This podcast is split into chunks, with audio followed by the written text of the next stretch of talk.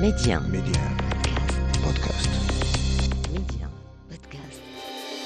تعود بالذاكرة إلى حدث لن ينسى أول فوز للمنتخب المغربي لكرة القدم بكأس أفريقيا للأمم كان ذلك في العام 1976 في أثيوبيا وكما أشرت إلى ذلك في حلقات سابقة كنت عندها قد وصلت إلى المغرب لبدء دراسة الجامعية في العلوم السياسية بجامعة محمد الخامس بالرباط. بعد العودة النهائية لأرض الوطن فأنا وكما أشرت إلى ذلك سابقا ابن مهاجر النور في تونس. بعد التسجيل في الجامعة استقريت في الحي الجامعي مولاي إسماعيل بالرباط وعشت فيه انطلاق المسيرة الخضراء وواكبتها بعد ذلك.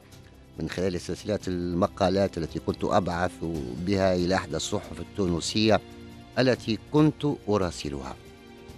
وإلى جانب رفاق في الحي من مختلف أنحاء المغرب ومن خارجه تابعت نهائيات كأس أفريقيا للأمم وكنا نلتقي في مشرب الحي أو عند الساحة الموجودة أمامه نتجمع حول مذياع لمتابعة مباريات المنتخب في نهائيات هذه الكأس في نسختها العاشرة التي جرت مبارياتها في العاصمة أديس أبابا على ملعب هيلا سيلاسي وفي مدينة دير داوا وتأهلت إليها ثمانية منتخبات أثيوبيا البلد المضيف ومصر وأوغندا وغينيا والسودان ونيجيريا والمغرب والزئير حامل اللقب.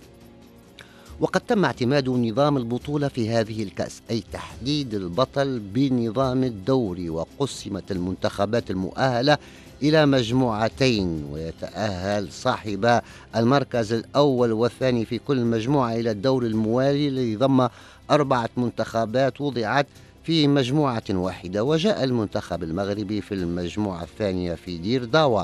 إلى جانب كل من نيجيريا والسودان والزئير وتعادل في مباراته الأولى مع السودان ثم فاز على الزئير جمهورية الكونغو الديمقراطية حاليا حامل اللقب السابق على نيجيريا ليتصدر مجموعته بخمس نقط متقدما بنقطة على المنتخب النيجيري. أما عن المجموعة الأولى فقد حل في المرتبة الأولى المنتخب الغيني بست نقاط أمام المنتخب المصري بأربع نقاط وضمت المجموعة النهائية بالتالي منتخبات المغرب ونيجيريا ومصر وغينيا. لعبت الفرق الأربعة في شكل بطولة بدلا من مرحلة خروج المغلوب وكانت هذه النسخة الأخيرة التي تعتمد مثل هذا النظام. هزم كل فريق مصر بينما فاز المغرب على نيجيريا وتعادلت غينيا ضد نفس الخصم. كان الفرق في النقاط لصالح المغرب الذي تقدم بنقطة واحدة على غينيا التي كانت في حاجة للفوز ولا شيء غير الفوز في المباراة الأخيرة. وأي نتيجة أخرى ستجعل المغرب يفوز باللقب لأول مرة في تاريخه. وأقيمت المباراة الأخيرة الحاسمة بينهما في الرابع عشر من مارس 1976 في ملعب هايلا سيلاسي بأديس أبابا. وضم تشكيلة المنتخب المغربي كل من الهزاز أبو علي بابا الشريف قلاوة العربي شباك عبد الله التازي الزهراوي أحمد عبد الله عبد الله سيمي بقيادة المدرب الروماني مارداريسكو. في مباراة التتويج افتتحت غينيا التسجيل عن طريق المبدع شريف سليمان في الدقيقة الثامنة من الشوط الأول. كنا جماعات متحلقة كل واحدة حول مذياع في الحي الجامعي مولاي إسماعيل. انهارت الأعصاب واقتربت المباراة من نهايتها. لكن في الدقيقة السادسة والثمانين من عمر المباراة قبل أربع دقائق من نهايتها ارتفعت أصواتنا بالصراخ بالفرح. إصابة إصابة. لم نكن نقول جول في تلك الفترة. هادر أصواتنا امتد إلى خارج الحي في شارع المغرب العربي. فبعد تمريرة من نجم المنتخب الهداف أحمد فراس إلى المدافع بابا أحمد المقروج تمكن بابا من تعديل النتيجة وتسجيل هدف صاروخي من خارج منطقة الجزاء. إصابة بابا إصابة. كاد يغمى على المذيع ناقل المباراة على أمواج الإذاعة الوطنية. وما زال صوته يرن في أذني حتى الآن. وفرحة أول تتويج باللقب القاضي المرموق تسكنني.